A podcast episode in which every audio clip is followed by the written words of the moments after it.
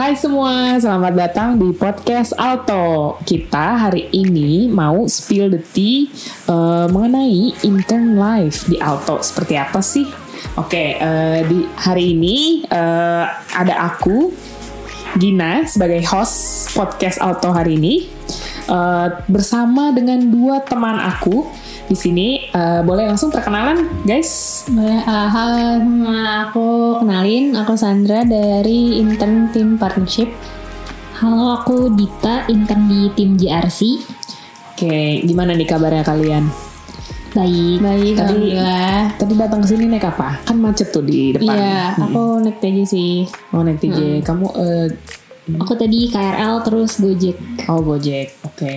KRL Gojek. Oh ya. Rumahnya di mana? Bogor Bogor. Kalau kamu Sandra? Aku di Ciputat. Ciputat. Oke. Okay. Oke. Okay, um, kalian ini udah berapa lama uh, intern di Alto? 4 bulan. 4 bulan. 4 hmm. bulan. Berarti onboardingnya sama ya? Iya, ya, bareng. Onboarding day-nya bareng. Hmm. Oke. Okay. Uh, gimana so far? Seru. Uh, intern di Alto. Ah, masa seru doang? seru. Uh, terus ya pengalaman yang didapat banyak. Hmm. Bisa belajar banyak. Yeah Terus kalau Dita? Setuju sama Sandi. Yang lain dong apa tambahin tambahin. Uh, seru sih jadi apa ya bisa ngelihat juga kondisi perkantoran sekarang kan udah WFO WFO ikut yeah. sibuk datang pagi. Gitu menemuin kereta ya? Iya nambah-nambahin orang di kereta. Oke okay, um, uh, kalian ini tahu dari Alto tahu Alto ini dari mana dari LinkedIn ada teman yang like posan Alto di LinkedIn mm-hmm. terus uh, aku ikut ngecek kan terus oh uh, kayaknya um, penasaran nih sama deskripsi jobnya jadi daftar. Hmm, Oke, okay. berarti dari sorry dari LinkedIn berarti ya? dari teman okay, ya dari teman oke okay. kalau Sandra kalau aku dari uh, temen yang udah kerja di sini jadi hmm. disuruh coba aja nih kalau mau intern daftar. Ya udah akhirnya aku daftar. Oh, siapa nih kalau boleh tahu nih temennya nih? Boleh eh, di-mention? Boleh, boleh, boleh ya. boleh ya. Zias namanya. Oh, Zias. Yes. Oh, berarti sama dong, partnership juga ya. Iya, hmm, iya, iya, iya. Oke, okay, uh, kalian ini masih kuliah atau udah lulus?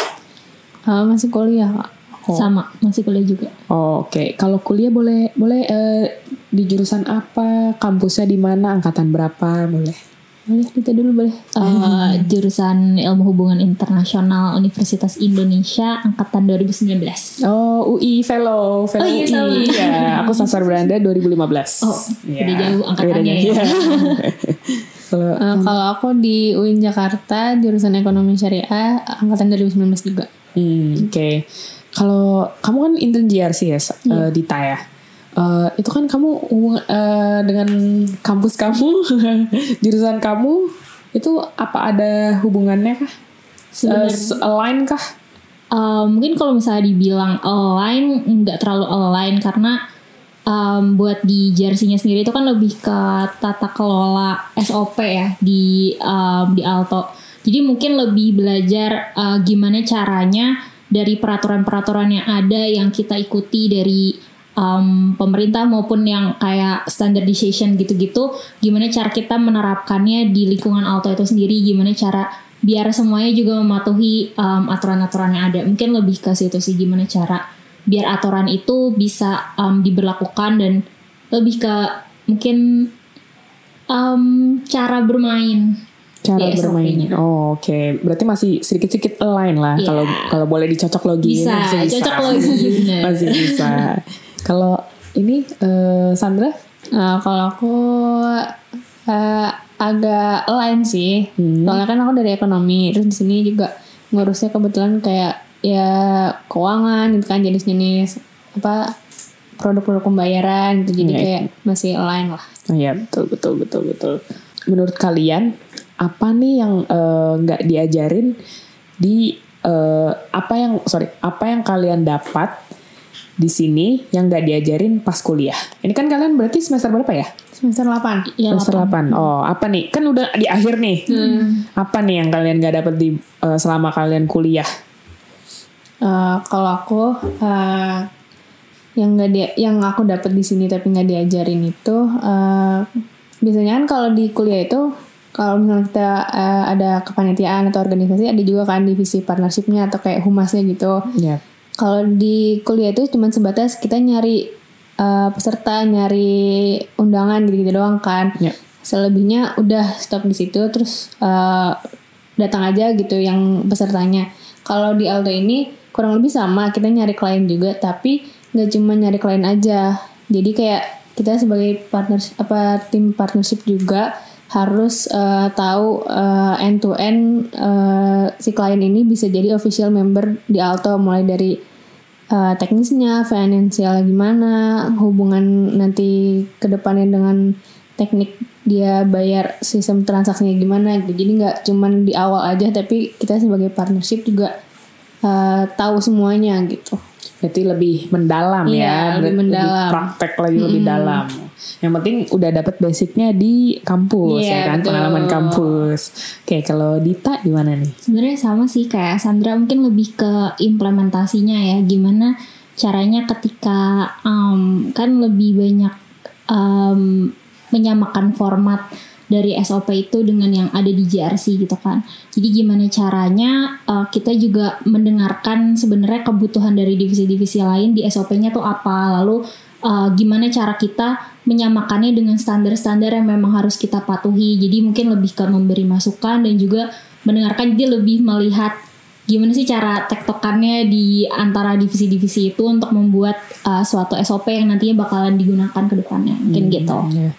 Eh, terdengar berat ya berhubungannya dengan eh, divisi-divisi lain kan agak berat ya. Iya. Eh, terus kalian ini kan lagi semester 8 ya semester akhir. Eh, berarti lagi pada skripsi. Iya, Betul. Di skripsi. Gimana kalian cara membagi waktunya nih? Teman-teman yang eh, mau magang nih selanjutnya di Alto bisa tahu nih gimana time managementnya. Oke. Coba di Oke, mungkin dari aku dulu. Uh, mungkin kalau misalnya dari aku sendiri biasanya ketika sampai di kantor gitu, misalnya kayak ada tugas yang belum selesai atau ada tugas yang baru dikasih, mungkin uh, sebelumnya aku bakalan ngecek dulu, terus kayak nyari tahu juga deadline-nya segala macamnya. Jadi biar bisa diatur juga waktunya nih, kira-kira uh, misalnya kalau ada tugas kuliah atau mungkin ada deadline revisi skripsi gitu kan.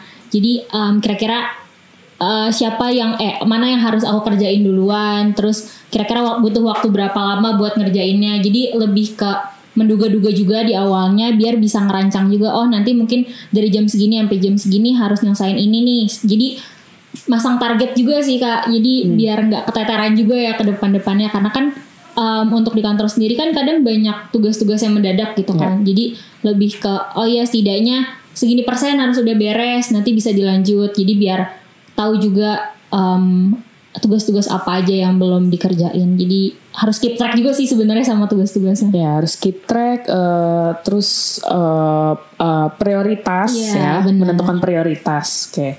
Eh, tapi masih ada kelas, aku sisa satu sisa satu. Masih harus datang ke kampus? iya Kalau aku kebetulan udah nggak ada kelas, jadi aku full skripsian aja kan. Eh, kurang lebih sama kayak Dita yang bilang eh, awalnya kalian kayak tentuin aja targetnya dulu. Misalkan di minggu ini ada tas a- apa yang harus dikerjain. Nah nanti kalau misalkan jadwal kalian WFO tuh eh, curi-curi waktu aja gitu. Multitasking Iya, ya. betul. multitasking. Kayak misalnya kalau misalnya kalian datang awal berarti kerjain aja dulu tugas dari atau skripsinya dari kuliah. Nanti kalau udah masuk jam kerja eh, ikutin ada ada tugas apa disuruh ngapain. Nanti kalau agak senggang nanti kerjain lagi gitu-gitu aja sih. Kalau misalnya perlu izin juga bilang aja gitu ke tem- teman-temannya ke timnya izin dulu ya bentar mau mau ngerjain tugas gitu nanti balik lagi gitu sih sama paling ya kalau WFH kan bisa kan lebih kayak di rumah jadi lebih fokus juga gitu sama pulang kerja sih Oh, capek ya. kan kadang perjalanan jauh gitu Iya. kan Eh, daripada nganggur di jalan di TJ atau di ya pokoknya di jalan lah. Ya mungkin kalau ada yang bisa dibaca-baca atau belajar apa ngerjain apa nyicil apa ya boleh gitu. Soalnya kan kalau udah nyampe rumah kayak udah capek banget gitu kan Ya, eh, eh, Dita juga kayak gitu di perjalanan di KRL juga Iya, kerjain biasanya baca-baca. Oh, ya. Kalau misalnya nggak terlalu penuh aja sih. Kalau penuh banget kayaknya nggak mungkin bisa juga ya. Kayaknya selalu penuh gak sih Iya kalau ke Bogor? Kira-kira perjalanan kalian berapa lama nih? Kalau apa berangkat PP nih berapa? Berapa lama? Hmm, sekali perjalanan tuh mungkin eh, KRL sendiri aja kan satu jam ya. Mm-mm. Mungkin sekitar satu setengah sampai dua jam dari dari rumah sampai ke kantor ya. Hmm. Ya, aku juga sama satu Sama ngikut-ngikut aja nih Sandra nih. oh, sama. Serumah enggak? Enggak, enggak, Sama. Menurut kalian nih, kalian kan udah eh, semester 8, eh, skripsi juga. Skripsi kalian eh, perlu ambil ini enggak apa? Sampel gitu-gitu enggak ya? Kalau Aku aku enggak. enggak sih. Enggak ya, berarti empir empiris ya. Eh, apa sih? Eh Apa? Kualitatif. kualitatif ya, kualitatif ya udah lupa sorry. berarti eh, kalian nih kenapa nih mau ambil internship? Alasan kalian? Buat nyoba sih, buat nambah pengalaman juga. Sebelumnya udah udah pernah? Udah pernah, cuma eh, di bagian em, yang banking kayak gini belum pernah. Jadi cukup penasaran juga. Terus emang kebetulan kan dari jadwalnya sendiri sebenarnya kalau dibandingin sama yang kuliahnya kan udah lumayan kosong ya. Jadi daripada kita juga mikirin skripsi tapi stres-stres nggak bisa ngerjain, jadi kita coba sambil cari suasana baru. Hmm, oke. Kalau Dita, eh sorry, kalau Sandra salah. Kebalik. Iya. Kalau aku ngambil intern iya sih buat nambah pengalaman juga sambil nyari apa kegiatannya selain skripsi. Sebelumnya udah pernah Sebelumnya udah. Hmm. Penting gak sih ambil internship itu? Menurut kalian kenapa harus ambil internship? Hmm, menurut aku tergantung orangnya sih. Ada kan yang kayak nggak mau fokus skripsi aja, mau fokus kuliah dulu nanti baru nyoba gitu kan. Balik lagi ke orangnya. Tapi kalau menurut aku pribadi eh, penting sih sebelum kalian lulus. Jadi kayak kalian udah tahu nih passion kalian apa dengan ngambil internship ini. Karena kan eh, bisa bisa aja kayak di kuliah kita udah tahu kita sukanya matkul apa tapi ternyata pas dicoba di dunia kerja kerjaan yang kayak gitu ternyata kita nggak bisa berarti kan eh, kalau pas lulus kita kita udah bisa tahu nih kita mau apply kerjanya ke mana sesuai dengan passion kita gitu sih. Berarti pentingnya untuk mencoba ya, Betul. untuk mencari apa nih passion kita Iya. gitu ya. Oke, kalau eh, Sandra balik lagi ya. Iya. Astaga. kalau Dita, Sama juga sih sebenarnya kayak Sandra em, penting karena ya kita kan gak pernah tahu ya kita tuh sebenarnya lebih suka di bidang yang em, kerja kantoran atau mungkin yang lebih turun ke lapangan. It- tapi kita kan kalau ketika kita lulus nih kita nyari kerja gitu misalnya sekarang kan udah banyak em, jobnya itu yang butuh pengalaman, butuh pengalaman gitu kan. Jadi mungkin biar kita juga bisa merasakan gimana sih sebenarnya pekerjaan di bidang yang ini, gimana sih perasaan eh, pekerjaan di divisi yang ini. Mungkin ya emang perlu juga sih sesekali buat eh, nyoba ngambil internship, tapi juga harus dipikirin kan kita sambil jadi mahasiswa ya, kita juga Ya. masih punya be- punya tanggung jawab gitu. mau, mau bilang apa? punya tanggung jawab gitu sebagai mahasiswa. Jadi ya ya prioritasnya eh, memang perlu buat disusun dan juga memang ya time managementnya sih yang penting. ya Gitu. betul, betul, betul. Semua it's all about time management ya. Betul. Sama setting priority. Betul. Ya. Tuh, gitu tipsnya ya teman. Gitu ya tipsnya ya teman-teman.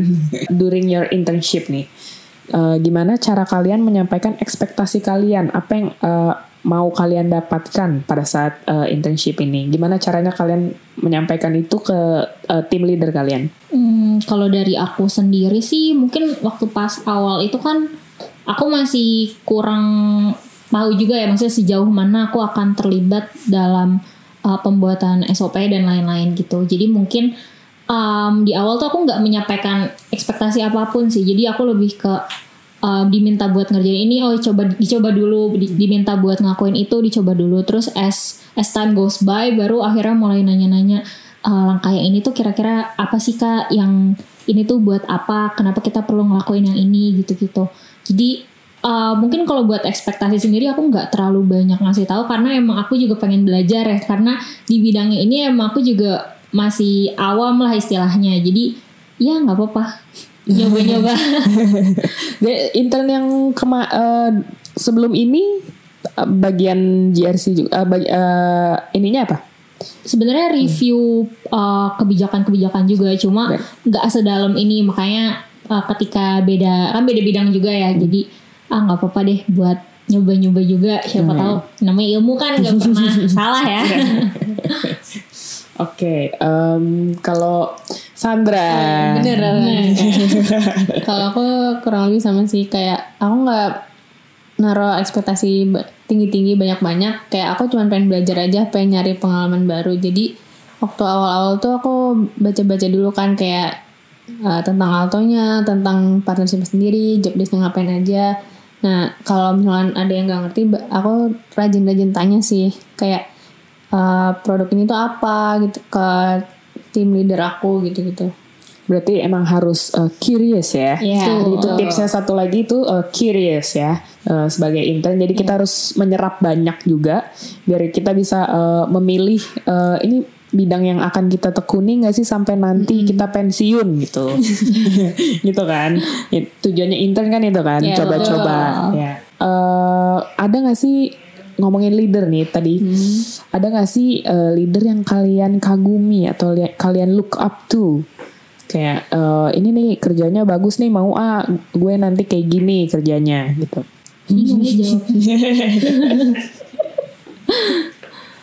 Hmm gimana ya? Kalau dari aku sendiri kan mungkin emang lebih terlibatnya sama orang-orang di JRC-nya ya. Maksudnya ketika aku nge-review um, SOP dari divisi-divisi lain juga aku nggak terlalu yang hafal banget ini yang leadernya yang mana gitu kan karena ya. lebih uh, seringnya meet online. Jadi mungkin kalau misalnya leader sih dari manajer aku sendiri, Kaliana sama Kamayang yang selama ini mungkin dia jadi mentor gitu ya. Karena say hi um, dong say hi Hai kak. Karena um, menurut aku tuh buat uh, selama masa internship itu tuh paling penting buat punya mentor yang emang mau gitu loh buat kita tanyain. Karena kan kayak tadi ya mungkin di awal aku masih nggak tahu mau nanya apa tapi mungkin ketika di tengah-tengah aku baru penasaran atau baru uh, ngeh gitu istilahnya. Oh uh, yang ini kayaknya harus ditanyain yang ini nggak harus ditanyain gitu-gitu. Jadi aku sebenarnya terima kasih banget karena um, ya mereka mau gitu buat ngejelasin dan aku nggak sebenarnya nggak nggak terlalu masalah kalau misalnya penjelasannya juga ngebingungin karena yang penting mah mau di yang penting mah mau ngejelasin aja gitu. Yang penting bisa tahu lebih banyak sih. Sisanya kita lihat di internet ya. Uh, kita kita cari sendiri informasinya. Gak tau ya aku bingung gitu loh kalau misalnya disuruh pilih satu atau dua. Soalnya kayak di pilih semua pun nggak apa-apa. Oh iya. Pilih semua nggak apa-apa ya? Terserah nggak apa-apa loh.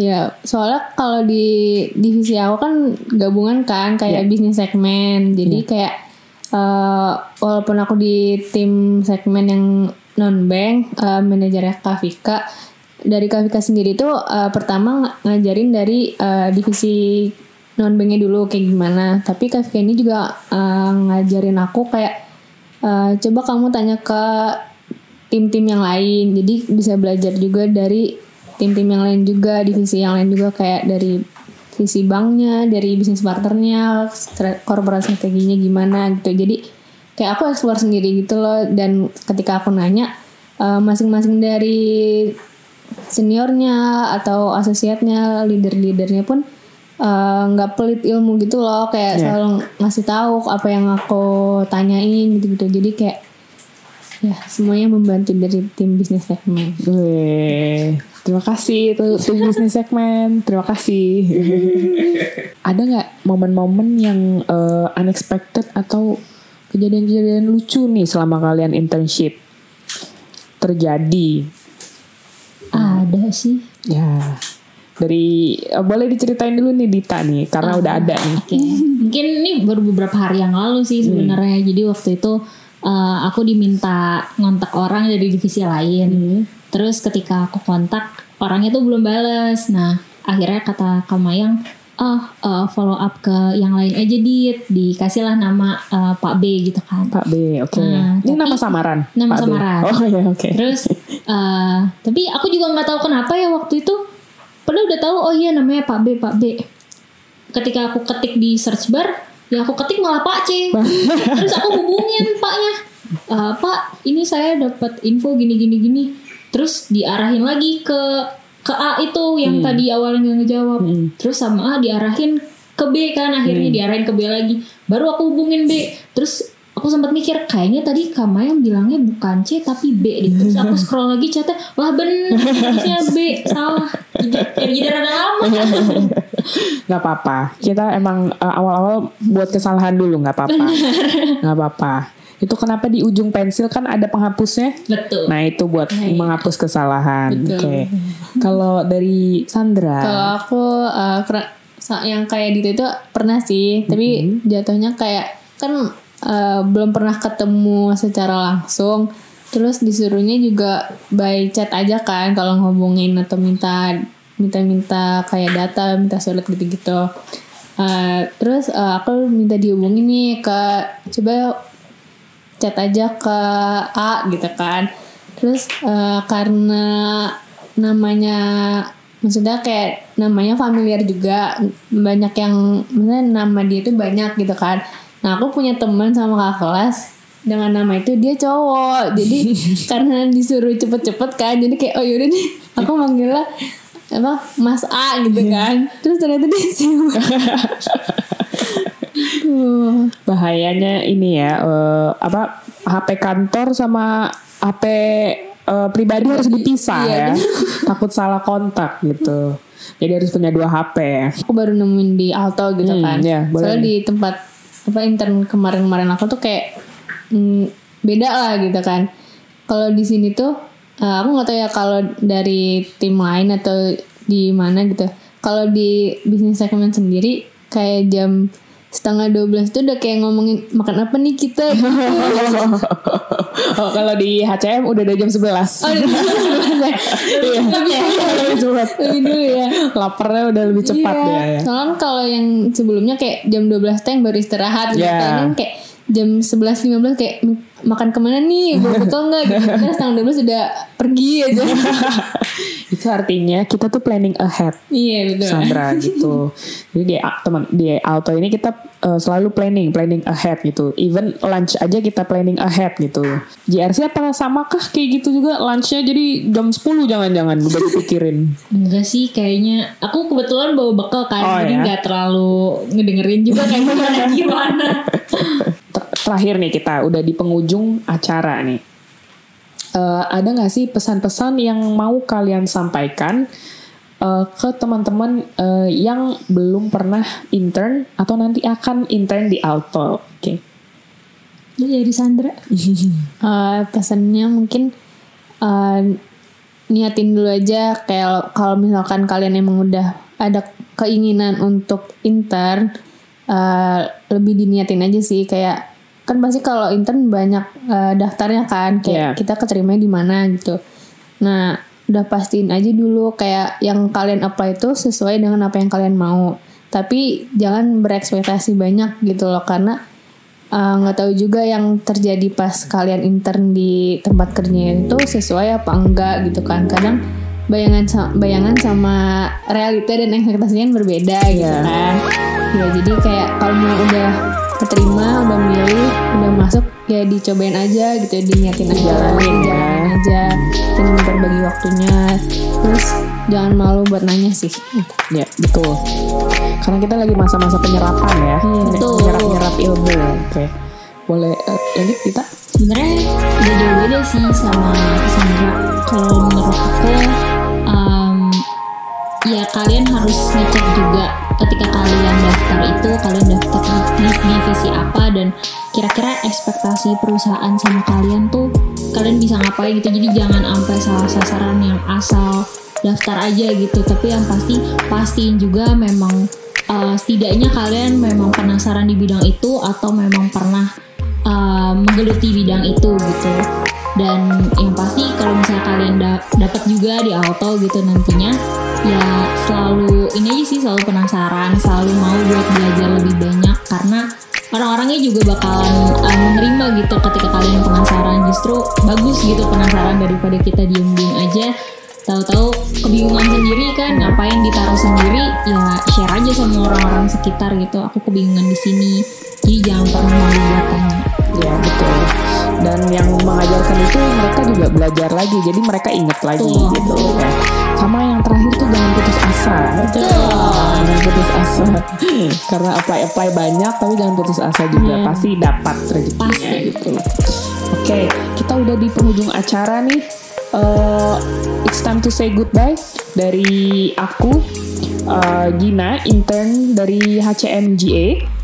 Kalau aku intern dari partnership dan aku intern dari JRC kita say goodbye dulu uh, dalam uh, edisi Alto Podcast bersa- uh, Intern Live. dadah